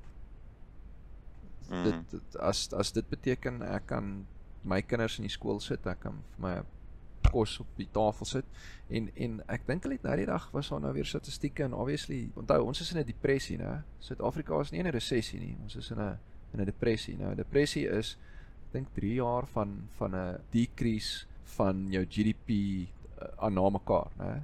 Ja, so ons is ons het 'n uh, uh, uh, 9% dink ek inkrimping gehad in in ons ekonomie. So, so ek meen dis dis dis skrikwekkend. Ja. ons likwidasies op die oomblik, um daar's 'n 70% increase op likwidasies jaar op jaar. Wat nou nie baie sê nie want laas jaar was was dit nul geweest want dit was in lockdown, hè. So dit it doesn't say a lot, maar dit is nog steeds meer as wat dit normaalweg is. En tipies is dit is dit jou social gathering spots, so jou restaurante, jou hotelle, jou so spesialisasie begin 'n rol speel, maar as ek wil kos hê, sal ek gaan as ek in die oggend na kantoor toe ry. Hoeveel robotte is daar so tot by die kantoor? Eh, kom ons sê daar's 10. Ek dink daar soos 50%, by 50% van die traffic lights staan daar iemand in bedel. Ja. So so dit gee vir ja. jou 'n en ek kan vir jou beloof baie van daai mense dis nie laat hy nie it it just got too much. En en ek kry net nie werk nie. Daar is nie 'n straatveer daar buite nie. Ek kan nie dit nie ek kan nie dat nie. Daar's net te veel faktore. So voordat ons dan nou te depressief raak op die toon dink ek dat die Afrika konteks is definitief nie van pas. Ek as individu as ek ooit in so 'n situasie is. Daarsoos ek meen in in eerste wêreld ek eh, Australië, ek meen julle is julle is groot. Jy kan maklik jou skills uh, uh Rudolf, jou SAP skills in enige ander eerste wêreld land gaan toepas of selfs in 'n ander staat in Australië. Eever uh, Europa is massive. Ek meen soos jy sê, jy bly naby aan die grens, jy loop oor en there you go, né? So dit is heeltemal 'n ander konteks en uh, ek dink dit sal dit heeltemal uit verband uitdruk om die waarheid te sê. Ja, ek dink die bloot die feit dat ons die vraag kan vra is dat ons so sulke vrae vra wys vir jou in wat se ander situasie ons is. Mm. Bloot die feit dat ons so dink. Ehm um, en met dis dis heel moontlik waar selfs in ons konteks, eers ek dink mense sien nie die swaar kry wat selfs in Europa en Australië is nie. Ehm um, en dit is gaan nie net oor ook oor die ekonomiese vooruitgang van die land nie. Dit gaan ook oor individue. Ja. I mean party mense nie almal het dieselfde tools om hulle deur die lewe te vat nie. Ek meen ons is gelukkig in baie opsigte dat ons die regte opvoeding gehad het, dat ons die die gene lottery nie te bad mee gedoen het nie. Ons nie almal is in daai posisie nie. Aan die einde van die dag ehm um, moet jy maar doen wat nodig is om te oorleef. Ja, ter wille van oorlewing. That's it. That that's it. Ek sal enigiets doen ter wille van oorlewing. Sorry Rudolf, daar gaan jy. so ek het vir jou die vraag gevra Fransjo, waar wil jy eerder wees? Maar miskien moet die vraag vra eerder vir die average en self vir die minder average as mis as mis uh, inkomste as die maatstaf gebruik, die minder average persoon sou hy beter gewees het in 'n hunter gatherer society of sou hy beter gewees het in vandag se society? Ek dink in 'n kleiner omgewing het jy werk om te doen. Jy jy jy survive saam met die res van jou tribe en jy help iemand het dit jy gaan moer die cybertooth lion of so dit assume dat as jy die mense of dit nou een mens is of 50 miljoen in jou in jou kind of fantasy van kom ons travel iewers heen. Jy gaan dit purpose hê as jy daar aankom. Ons moet veg, ons moet die ek weet nie die klippe op mekaar sit sodat ons 'n muur kan bou of ons moet die cybertooth gaan uithaal of so. Wat se wat wat se ander temas is daar wat interessant was in die boek? Die ontstaan van kapitalisme was vir my interessant geweest. Ek het nog nooit so 'n goeie verduideliking gehoor van hoe kapitalisme som hom op werk nie. Verduidelik. Som ek wil net sê verduidelik ons. Ag, dom nou, ek het net gedink as 'n spot wat op my sit, ek gedog ek gaan een van julle nomineer. Uh, alright, kom ons sê Tannie Elena. Juffrou se ma, sy bak koeksusters. En sy is baie goed met haar koeksusters en sy het 1000 rand wat sy uit haar koeksuster verkoop uitgemaak het. En dan gaan sy na um François toe en sy sê hey, ek het hier 1000 rand, kan jy dit vir my oppas? En Fra François het groot planne. Hy wil 'n uh, um hy hy wil met geld werk. Hy sê ja, ek sal die 1000 rand vir jou vat. Dan vat hy die 1000 rand en hy bære dit mooi. En dan kom iemand anders na jou toe en sê hey, ek wil begin bou. Ek wil begin geboue bou. Kan jy vir my R1000 leen?" En Francis sê, "Weet jy, tannie Elena was net gister hierso gewees en sy het vir my R1000 gegee. Ek sal vir jou R1000 gee teen rente. Dan kan dan kan jy begin met bou besigheid te te doen." Maar om nou die storie eenvoudiger te maak, kom ons sê tannie Elena, sy wil nou 'n 'n klein winkeltjie oopmaak. Sy wil 'n klein winkeltjie begin. So dan sê sy, gaan sy na die bouer toe en sê, "Luister, kan jy vir my 'n klein winkeltjie bou? Ehm um, ek het R1000 in die bank. Ehm um, so ek sal vir jou die R1000 gee as jy vir my klein winkeltjie bou." En die bouer ja, hy het nou R1000 se kapitaal wat hy nou kan mee boumateriaal koop en so aan en dan Wel hy het R2000 bou hy nou die want hy het winkeltjie. R1000 geleen en hy het die R2000 Ek kry dit eers aan die einde. dan die Helena af. O, okay. Nee, hy kry dit aan die einde. Okay. So so nou bou hy die bou hy die winkeltjie en hy kry 'n 1000 uh rand by Tannie Tannie Elena. Um en nou vat die bouer en hy sit daai geld terug in die bank. So nou is daar R2000 in die bank. Maar hulle het net begin met R1000. En nou kan dit gebeur dat die bouer sê luister maar wag so 'n bietjie hierdie gebou was so 'n bietjie meer duurder gewees as wat ek beplan het. So um ek het nog R1000 nodig. En dan gaan tannie Elena na die bank toe en sê luister ek het ek het um R1000 nodig en die dan sê Frans ja nee is nie probleem hier is vir jou R1000 en die bouer maak die werk klaar en hy kry nog R1000 en hy sit dit terug in die bank en so kan die proses aan en aan en aan gaan en jy genereer net nog duisende en duisende rande uit die een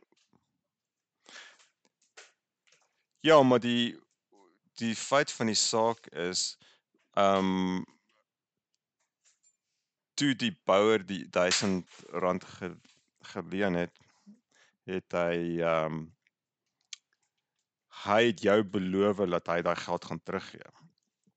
So jy investeer in die toekoms in. Jy sien dat daar toekomstige waarde vir R1000 gaan wees.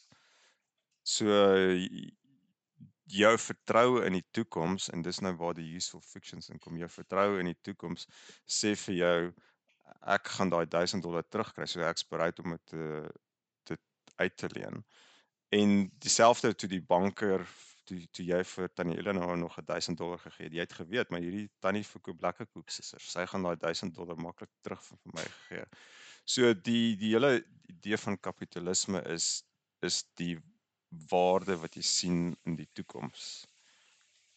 So jy dit alhoewel die kapitaal nie nou daar is nie, weet jy die kapitaal gaan in die toekoms daar wees. So jy's bereid om die kans te vat en te investeer in die toekoms, maar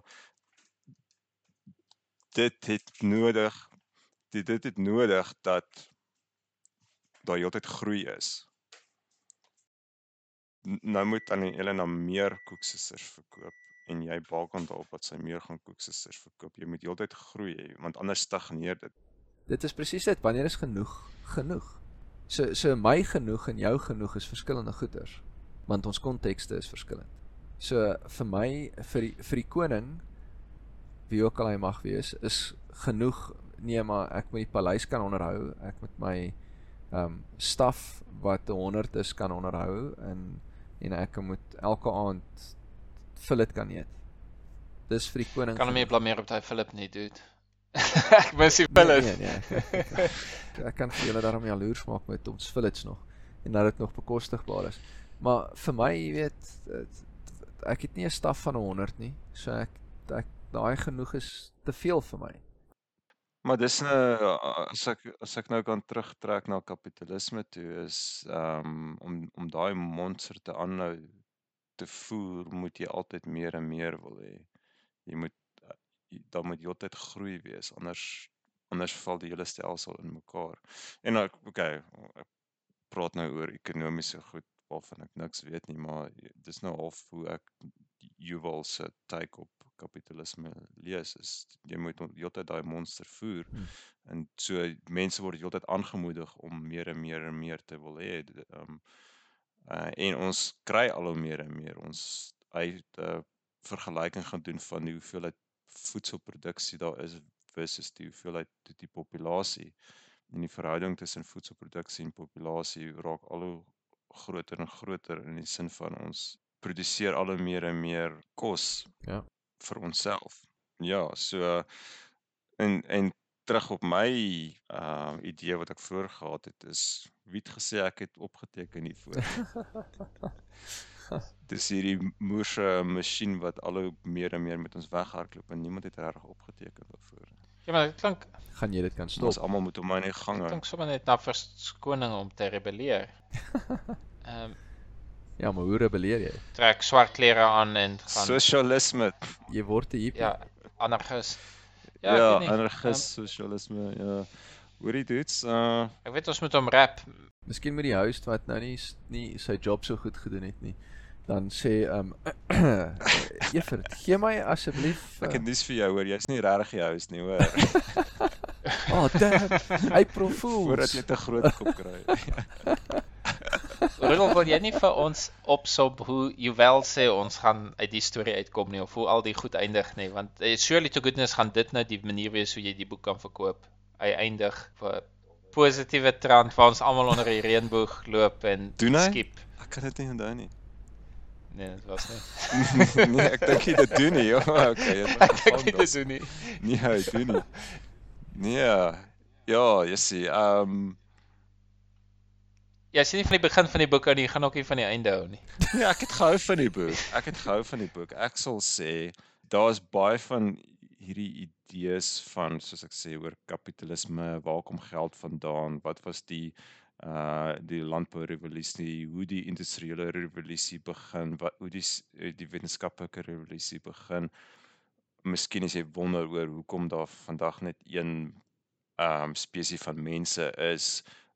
As jy oor wonder oor al daai goed, hierdie een dis die boek wat alles vir jou gaan saamvat in een feit digte boek wat ongelooflik baie feite het. Ek dink dit sal al al daai goedes waaroor jy gewonder het sal in hierdie boek eh, wees en ek voel half oor die boek. Ek staan nie regtig belang in geskied geskiedenis nie, maar ek voel hierdie is half dit het nou vir my 'n goeie bys gegee vir baie um van hierdie konsepte en al, alhoewel ek dit baie swak verduidelik het as ek dit moet oorvertel, het ek tog half 'n half 'n idee in my kop van ja, okay, goed. Ek dink nou ek verstaan hoe kapitalisme werk. Ek dink nou ek verstaan waar geld vandaan kom en hoekom dit so goed werk en so en ehm um, so ek ek sal die boek op daai ma- manier probeer promote. Ek step saam, dit is 'n wye spektrum, wêreldwye spektrum. Ehm ek ek wonder is daar iemand wat kan sê dat daar nie iets is in die boek wat hulle interessant gevind het waar hulle nie tog wou verder lees of of oor uitvind, iets oor uitvind nie. So dit is vir my ja, ehm ek meen net om hieroor te praat laat ek dink, "Ag oh, ja, ek moet hom weer gaan lees die boek." Ehm um, nie audioboek die keer nie, maar Kindle gaan lees en dit stadig vat en ja. Ek het ek het net een vraag. Is dit feitelik of filosofies? Nee, dis meer feitelik. Hy ja, hy's baie meer feitelik en as jy die kritiek oor die boek gaan lees, hulle sê hulle die feite wat hy in die boek het is um goed, is akkuraat en so aan. Maar Ja. so nou en dan dan gaan ekstrapoleer hy en dis waar uh, hy meeste vlek kry, is hy verkeerd gaan op sy ekstrapolasie. Maar in terme van feite, die boek is ongelooflik feitdig So om saam te vat, dink ek is 'n 'n goeie boek om vir jou 'n 'n algehele grondslag te gee vir sekere prosesse en revolusies wat plaasgevind het oor die hoeveel duisend jaar? 10, Omtrent 15, twee- 20, 100, 200. baie, miljoen. dink omtrent 200. Baie, tussen baie 200 en baie 400. baie geskiedkundige jare. Daar's hy. Ja. Ja. Oh, alright. Dankie mense en uh, laat julle geluister. So gaan jy hom lees, François? Gaan jy hom lees? Ek sal die, die 10 minute YouTube video gaan kyk. yswerk afskryf. Uh, okay, dan het ons gefaal. Dis alright. Ons sal die deel ook uitsny wat jy nou vasgesê het. Alright, dude. Lees lees is vir my ontspanning. So lees jy eerder fiksie? Lees fiksie ja. Okay. Ja, ons moet miskien 'n Ja. poll hê van wie lees Harry Potters of nie. Ek's altyd wonder, baie mense kan regtig excited raak oor. Jy het hulle almal gelees? Ek het hulle gelees. Ek het almal gelees. Ja. Ja, ek ek weier om haar boeke te lees, dude. Ek het haar gekansel. Jy weet O, oh, as gevolg van haar Twitter. Hoorie, kom ons uh sit die deksel weer pot. ja, Dankie man. Dis 'n lekker chat. lekker gepraat. Goed gaan. Okay. Cheers. Bye. Cheers.